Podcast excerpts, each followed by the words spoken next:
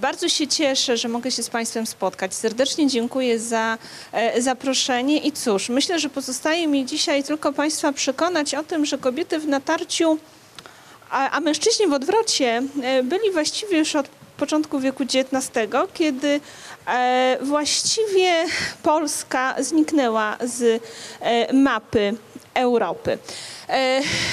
Proszę Państwa, kiedy myślimy o odzyskaniu niepodległości, w naturalny sposób przychodzi nam do głowy rok 1918, prawda? Natomiast nie zdajemy sobie sprawy często, że e, do tej niepodległości e, wiodły różne drogi i tak naprawdę ta wędrówka rozpoczęła się od e, momentu pierwszego e, rozbioru. I ja dzisiaj postaram się Państwu o tym opowiedzieć, a jednocześnie pokazać e, rolę kobiet i oczywiście rolę wsi. Żeby było to wystąpienie z tezą, Chciałam Państwu przeczytać pewien fragment, który pochodzi z źródła z końca wieku XIX. Mianowicie w owym źródle czytamy takie oto stwierdzenie. Wiek XIX był stuleciem kobiet, a w wieku XX będą stanowiły one arystokrację społeczną. W związku z czym już wyżej jako kobiety nie dojdziemy, skoro jesteśmy arystokracją już od wieku XX.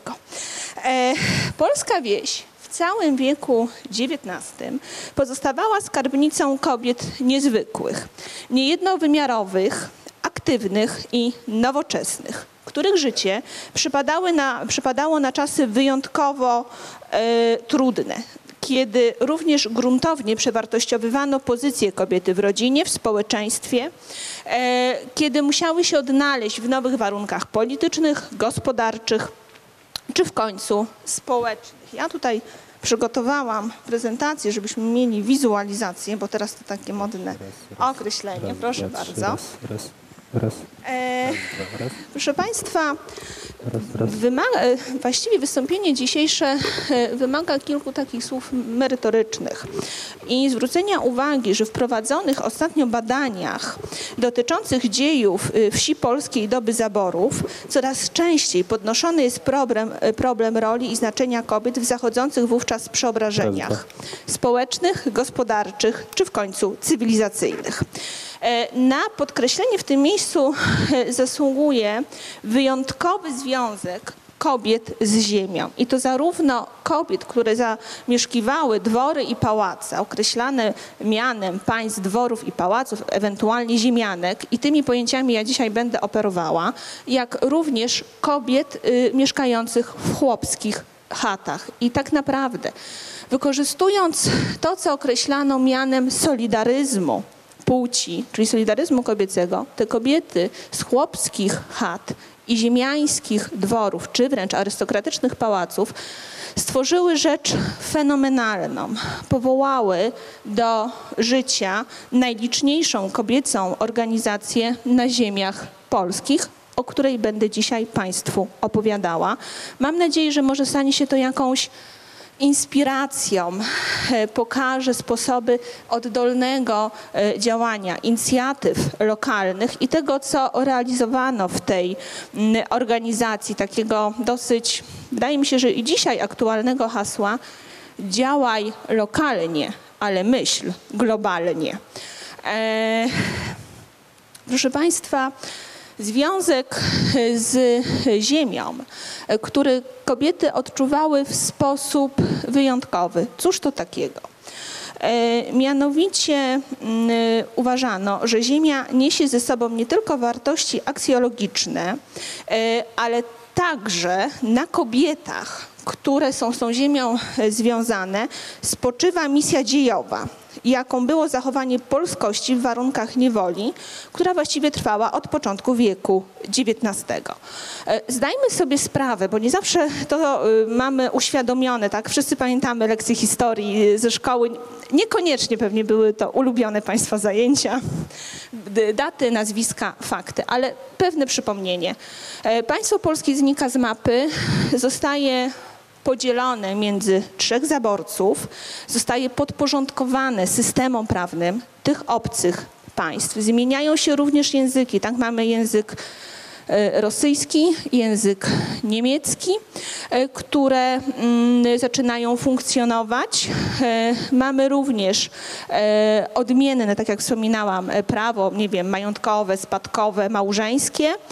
E, I w końcu mamy kwestię związaną z religią. Pamiętajmy, że dwóch spośród trzech zaborców e, odróżnia się e, religią, tak? To są prawosławni i ewangelicy. Tylko Austriacy y, są powiązani tak, z Polakami religią i mówi się o tym e, sojuszu tronu i ołtarza w przypadku Habsburgów.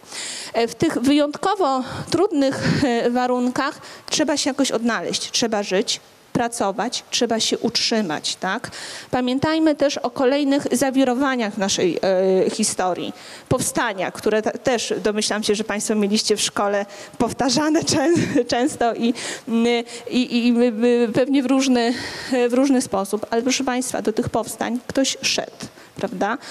Najczęściej szli to szli mężczyźni, ale ci mężczyźni byli wychowywani przez kogo? No przez matki, prawda?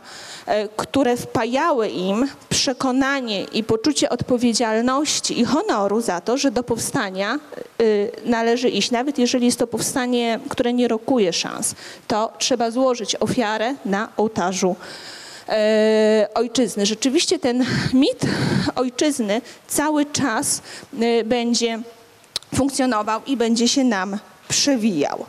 E, W takich warunkach e, funkcjonowały i działały e, kobiety, które zamieszkiwały tereny wsi Królestwa Polskiego. Były one wyjątkowo skłonne e, do mm, realizowania haseł emancypacyjnych, ale nie w rozumieniu walczących feministek, które parasolkami okładały mężczyzn w czasie e, manifestacji, ale do realizowania konkretnych prac i konkretnych działań we współpracy z mężczyznami. Można powiedzieć, że uważały e, panie z dworów i pałaców oraz ich młodsze siostry z chłopskich chat, że mężczyźni mają im pomagać, mają być ich współpracownikami. E, Co się dzieje? Te wszystkie działania, które y, są podejmowane, e, zaczynają przynosić e, efekty. W 1894 roku te wcześniej podejmowane działania owocują pomysłem stworzenia organizacji. E, Ciekawie zapisała to w swoich pamiętnikach Maria Janowa Kleniewska, która jest uważana za twórczynię e, tejże e, organizacji. Dziękuję bardzo. Tutaj na pierwszym zdjęciu widzimy ją z mężem Janem, na następnych jest już jako starsza pani. E, Kleniewska napisała, że pomysł e, umocowania w strukturach organizacji prac, które i tak wcześniej były podejmowane przez ziemianki, e, zrodził się przypadkiem i z nudy. Mianowicie panowie całymi nocami grali przy zielonym stoliku, czyli grali w karty po prostu, a panie siedziały, patrzyły i się nudziły. No więc stwierdziły, że nie ma co siedzieć i się nudzić i marnotrawić czasu, bo jest zbyt cenny, tylko należy się zebrać i pomyśleć, jak w e, wspólnych działaniach mogą polepszyć byt wsi wymyśliły na początku działalność filantropijną e, dla e, przede wszystkim włościanek i tutaj już pojawia się ten pierwszy moment tej solidarności kobiecej, tak? Swoje prace zaczynają oddolnie e, konsolidować i powołują tajne kółka kobiece praca. Chciałam Państwu jeszcze pokazać pałac Marii Kleniewskiej w Kluczkowicach na Lubelszczyźnie i w tym to właśnie pałacu narodził się pomysł powołania do życia organizacji. E, I teraz tak, ogromne logistyczne przedsięwzięcie. Z jednej strony zaborca, który kontroluje i likwiduje wszelkie inicjatywy, E, Z drugiej strony problemy, jakbyśmy dzisiaj powiedzieli, technologiczne. Pomyślmy, nie mamy komputerów, nie mamy telefonów, nie mamy SMS-ów, nie wiem, Facebooka i całych pozostałych pomocy, którymi dzisiaj dysponujemy, a trzeba się jakoś zorganizować. Więc co? Kobiety siadają, odręcznie na kartkach spisują swoje pomysły i te odręcznie spisane kartki krążą między dworami. Początkowo tylko na Lubelszczyźnie. Potem błyskawicznie zaczyna się to rozszerzać na, te, na tereny całego Królestwa Polskiego. Ale Klenieska nie byłaby sobą, gdyby myślała tylko lokalnie. Ona myślała globalnie, chociaż działała na początku lokalnie. W związku z czym bierze te regulaminy spisane na kartkach, wsiada najpierw w powóz, potem w pociąg i jeździ. Do Prus, do Austrii. Spotyka się ze swoimi koleżankami po fachu, czyli z ziemiankami, opowiada im o tym, co się dzieje w królestwie i zachęca do tworzenia podobnych struktur w y, miejscach, gdzie one mieszkają i funkcjonują. I rzeczywiście tego typu kółka zaczynają otaczać siecią ziemię dawnej Rzeczypospolitej, przy czym najwięcej jest ich w Królestwie y, Polskim. Są to kółka, tak jak wspominałam, tajne, a więc bardzo głęboko ukryte i zakonspirowane przed władzami zaborczymi.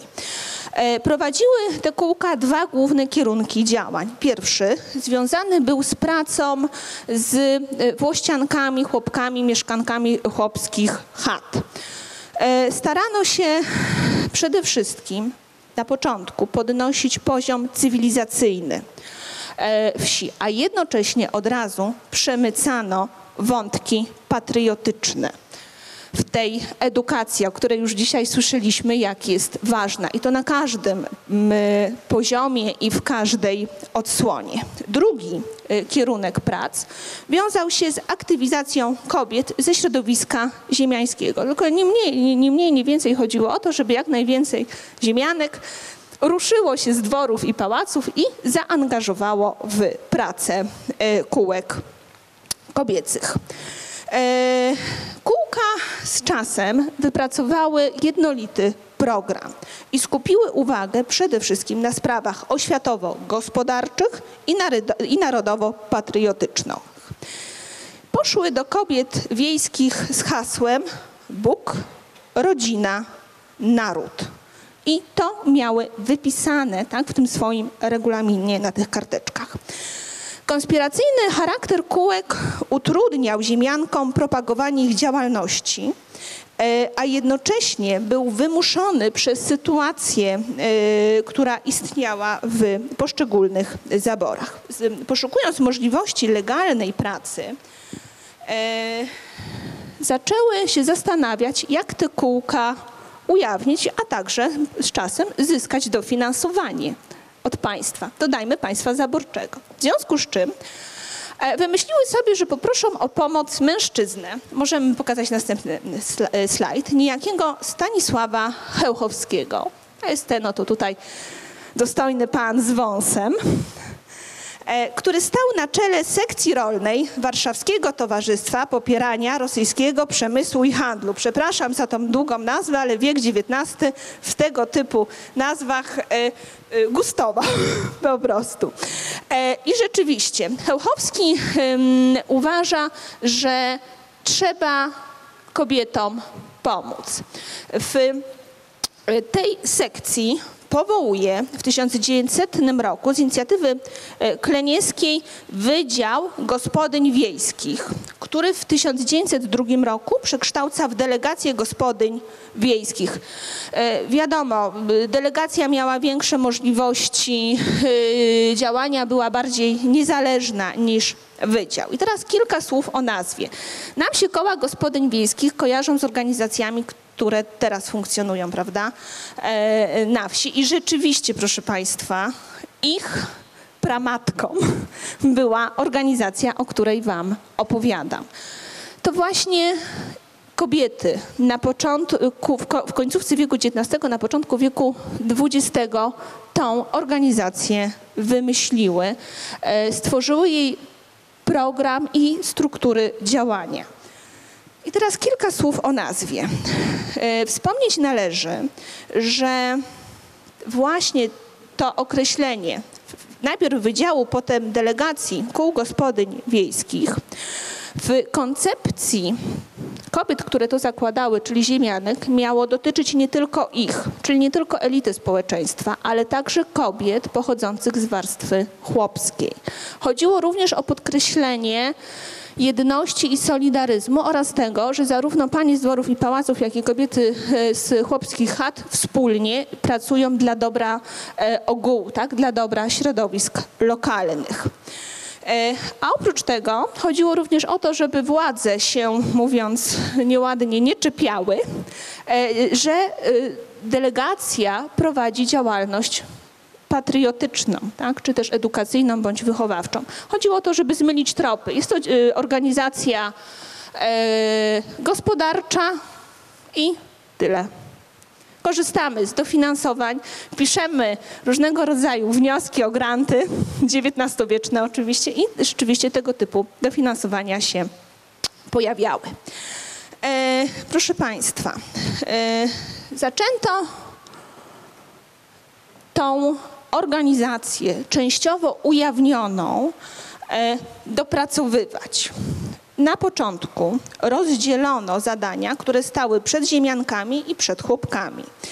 Te ostatnie w miarę rozwoju organizacji zaczęto grupować w oddzielne lokalne kółka, które powstawały z inspiracji ziemianek i pracować miały pod ich kierunkiem. Pierwsze tego e, typu kółko zostało założone w 1902 roku przez Józefę Daszewską, które, i to jest cytat znowu ze źródła, grupowało gospodynie małorolne. A w tej chwili jest uznawane właśnie za pierwsze kółko zrzeszające Włościanki. E, Dalszy rozwój e, organizacji e, to lata rewolucji 1905-1907. E, Wykorzystując liberalizację prawa na terenach e, Królestwa e, Polskiego, panie z dworów i pałaców oraz ich młodsze siostry postanowiły swoją organizację zalegalizować. Zaproponowały dla niej nazwę Zjednoczonego Koła Ziemianek. I teraz jest w ogóle ciekawa sytuacja, w której powstał pomysł zalegalizowania tej organizacji. Mianowicie był to zjazd samych kobiet, myślę, że mniej liczny niż dzisiaj tutaj e, jesteśmy, niemniej odbyty w Warszawie z okazji imienin Marii Kleniewskiej e, i pod pozorem tych imienin, czyli znowu, żeby zgubić tropy i zamącić Rosjanom e, w głowach, e, oficjalnym powodem zjazdu ziemianek i arystokratek do e, Warszawy były imieniny Marii Janowej Kleniewskiej, a że przywiozły e, ze sobą e, swoje młodsze siostry, tak, w strojach e, często regionalnych, no to kogoż to mogło dziwić. A że tych pań się zebrało około 200, no to cóż, Kleniewska przedstawicielka zamożnego ziemiaństwa. No i co się dzieje? Mianowicie zaczyna się batalia o rejestrację stowarzyszenia. Pewnie Państwo znacie ból przechodzenia spraw urzędowych. Wtedy było podobnie, może nawet jeszcze trochę gorzej. E, w każdym bądź razie rozpoczęły te działania w 1905 roku, uwieńczyły sukcesem w roku 1907. Dwa lata walki o e, zarejestrowanie i zalegalizowanie organizacji. Proponując nazwę Zjednoczonego Koła Ziemianek, e, dostały odpowiedź władz, że on, owszem, zalegalizują im stowarzyszenie pod nazwą Stowarzyszenie Zjednoczonych Ziemianek. E, czyli zrezygnowano z nazwy koła, tak? Niemniej e, kobiety należące do organizacji, tak w swojej prasie, o której za chwilę, jak i w prywatnych korespondencjach posługiwały się nazwą Zjednoczonego Koła Ziemianek, czyli ZKZ. W struktury ZKZ-u zostały włączone te tajne kółka praca, o których Państwu wspominałam i Pierwszym punktem działalności będzie aktywność narodowa oraz prace gospodarcze i cywilizacyjne. I teraz tak, jak ta organizacja była pomyślana i stworzona? Składała się, tak w dużym skrócie, z kółek prowincjonalnych, które się dzieliły na czynne i rzeczywiste. W kółkach rzeczywistych zrzeszone były ziemianki i arystokratki, w kółkach czynnych gospodynie małorolne, tak? czyli po prostu włościanki czy też chłopki. Istniały również władze naczelne organizacji, w skład których wchodziły i ziemianki, i chłopki wybierane w e, wyborach, tak, na które przyjeżdżały delegatki i dokonywały wyborów do władz naczelnych organizacji. E, dyskusja e, w łonie e, ZKZ-u toczyła się o to, jaką pozycję należy przyznać kobietom wiejskim. Ponieważ to też nie do końca było tak, że mm, wszystkie ze wszystkimi się zgadzały i nie było jakichś tarć w e, organizacji. Tarły się ze sobą dwie koncepcje. Pierwsza koncepcja, która mówiła, że włościankom należy przyznać duże swobody e, i możliwość realizacji w tej organizacji i druga, która mówiła, że no owszem, powinny pracować, ale pod kierunkiem i przewodnictwem ziemianek. I teraz tak, dyskutowano, zastanawiano się, co z tymi włościankami zrobić, ale jednocześnie realizowano cele i postulaty y, organizacji. Y, przygotowywano, możemy pokazać też następny y, slajd, różnego rodzaju kursy gospodarcze, kursy higieniczne, kursy gotowania, opieki nad dziećmi. Za, koło zatrudniało instruktorki i tym instruktorkom wypłacało pensje, e, a one podróżowały i w konkretnych majątkach, do których były zapraszane, organizowały e, kursy. Często te kursy trwały 3-4 dni. E, pamiętajmy również o tym, że to są ogromne problemy. Mm, związane z przemieszczaniem się. Oczywiście mamy możliwość podróżowania koleją, ale bilety są drogie, tak? E, w związku z czym nie wszystkich mm, na to, e, na to stać, więc tym instruktorkom e, trzeba było płacić. Poza tym, no nie jest łatwo opuścić rodzinę i pojechać na taki kurs, czy wziąć udział tak, w takim kursie. Ktoś dziećmi musi się zająć, ktoś mężowi obiad ugotować, musi w przypadku gospodyń e, tak, e, wiejskich, a w przypadku ziemianek to ktoś musi wydać dyspozycję, co tam e, ma się na tym stole e, pojawić. W związku z czym te kobiety wkładały naprawdę ogromną pracę, żeby to logistycznie ułożyć i zorganizować. E, zawsze w tym momencie mnie się przypomina taka rzecz, którą czytałam w jednym ze źródeł, kiedy jest opisany ten zjazd centralny w Warszawie, na który zjeżdżają delegatki. E, te, które były bogate, wynajmowały albo hotele, albo zatrzymywały się u swojej rodziny w Warszawie, ale te, które były biedniejsze, Miałam wrażenie, że były zdesperowane, ponieważ do tej Warszawy wiozły ze sobą kołdry i poduchy. E, oraz wiktuały w koszykach. E, jak jechały, nie wiem, dwa dni to pół biedy, ale jak jechały cztery dni, to już było e, gorzej. I teraz tak.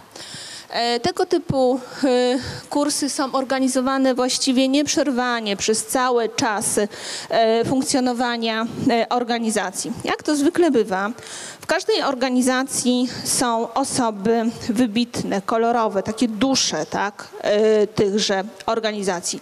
O jednej już Państwu powiedziałam, czyli o Marii Janowej Kleniewskiej. Teraz bym chciała powiedzieć o bizneswoman wieku XIX, czyli Izabeli Skropiwnickich-Ryksowej. To jest tutaj ta pani, którą możemy obejrzeć. A że była to kobieta w natarciu, to zaraz Państwa przekonam, mam nadzieję. Mianowicie, kiedy e, wybuchło powstanie styczniowe, z tego czasu pochodzi pierwsze zdjęcie. Możemy zobaczyć Izabelę w krynolinie i z biżuterią narodową. To jej mąż żeby to ująć delikatnie i elegancko, za bardzo do powstania się nie palił. No i przyszli do dworu okoliczni włościanie e, i mówią do niego, panie Ryks, my do powstania, pan na naszym czele. O, Ryks miał wątpliwości, w związku z czym wziął konia, pojechał z Prażmowa do Warszawy. W Warszawie przybywała jego żona, która kazała zamknąć drzwi mieszkania od wewnątrz i rozmawiała swo- ze swoim małżonkiem przez drzwi. I stwierdziła krótko, panie Ryks, do powstania. Rozmowa się skończyła. Ryks się zebrał, wrócił do majątku. W swoich pamiętnikach napisał, że ma nadzieję, że miał nadzieję, że Włościanie się rozejdą, ale niestety tak się nie stało, w związku z czym chciał czy nie chciał, został e, przywódcą oddziału.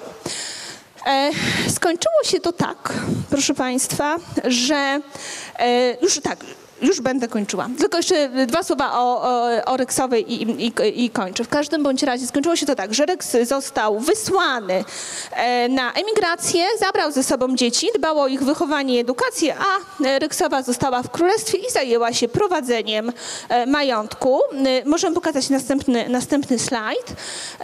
Tak reklamowała swoje dobra, a została mistrzynią hodowli drobiu i w ramach prac organizacji zarażała też i pozostałe e, członkinie e, miłością do e, hodowli drobiu i przekonywała, że mogą być to sprawy bardzo dochodowe finansowo. Pokażmy następny, następny slajd.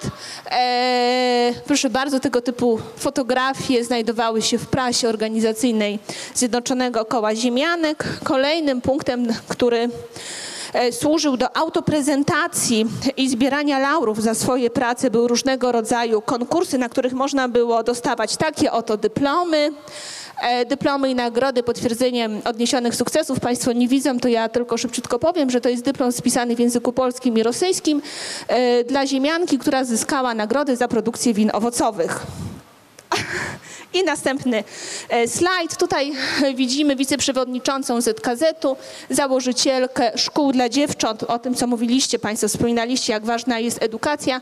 Ziemianki też o tym wiedziały. Zaczęły tworzyć specjalne szkoły rolnicze, e, w których wychowywano i kształcono dziewczęta na skuteczne e, gospodynie, ale również działaczki społeczne, bo to było bardzo ważne. To jest szkoła rolnicza w Chyliczkach, założona w 1891 roku.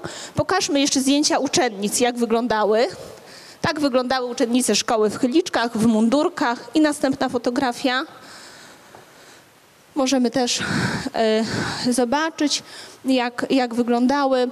I teraz tak, już zbliżając się do końca i podsumowując, e, Zjednoczone Koło Ziemianek Najliczniejsza kobieca organizacja w Królestwie Polskim, licząca 9 tysięcy e, członkiń. Chciałam Państwu tutaj, nie wiem czy ja to znajdę, e, powiedzieć kilka słów o tym, jak ona się rozwijała, e, jeżeli chodzi o przyrost członkiń. Czyli tak, w 1906 ziemianki podawały, że zrzeszały w ośmiu kółkach około 20 członkiń. W 14 roku zrzeszały już w tych kółkach przeznaczonych dla gospodyń wiejskich 3,5 tysiąca członkiń.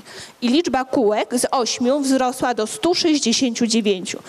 To jest błyskawiczny wzrost y, liczby e, kółek. Idea fix kobiet zrzeszonych w ZKZ odzyskanie niepodległości przez Polskę. Na swoim sztandarze wyhaftowały hasło z Bogiem i narodem i były e, związane z tym sztandarem tak naprawdę aż do 1939 roku. Pokażmy jeszcze następną e, fotografię. To jest Irena Kosmowska i Jadwiga Dziubińska, które odeszły z ZKZ-u i związały się z innymi e, organizacjami, tworząc konkurencyjne koła gospodyń e, wiejskich, ponieważ tak jak mówiłam, tam również dochodziło do pewnych mm, konfliktów i pęknięć. Jedna współpracowała z CTR-em, a obydwie z kółkami z Taszicowskimi. I następna fotografia. E, proszę Państwa, właśnie, współpraca z mężczyznami, tak, ale ZKZ to organizacja kobieca. W swoim statucie było, miały wyraźnie zapisane, że członkiniami organizacji mogą być tylko i wyłącznie kobiety. Mężczyźni mogli mieć statut członków korespondentów bez prawa głosu. No feministki, po prostu feministki i to feministki walczące. I ostatnie zdjęcie, właśnie sztandar Zjednoczonego Koła ziemianek z wyhaftowanym hasłem, z Bogiem i narodem. Proszę Państwa, i ostatnia rzecz. Członkinie ZKZ, kobiety nowoczesne, umiejące wykorzystywać e, wszelkie możliwości, a także korzystające z siły mediów, zakładają, finansują, prowadzą trzy organy prasowe. Zaczynają od świata kobiecego, potem mają Polski Łan, zamykają e, działalność ziemianką, która w e, Polsce niepodległej zyskuje tytuł ziemianki polskiej i funkcjonuje do 1939 roku. Bardzo Państwu dziękuję. Ja pewnie o ZKZ mogłabym długo, nie wiedziałam, że tak szybko pół godziny minie. Bardzo, bardzo dziękuję.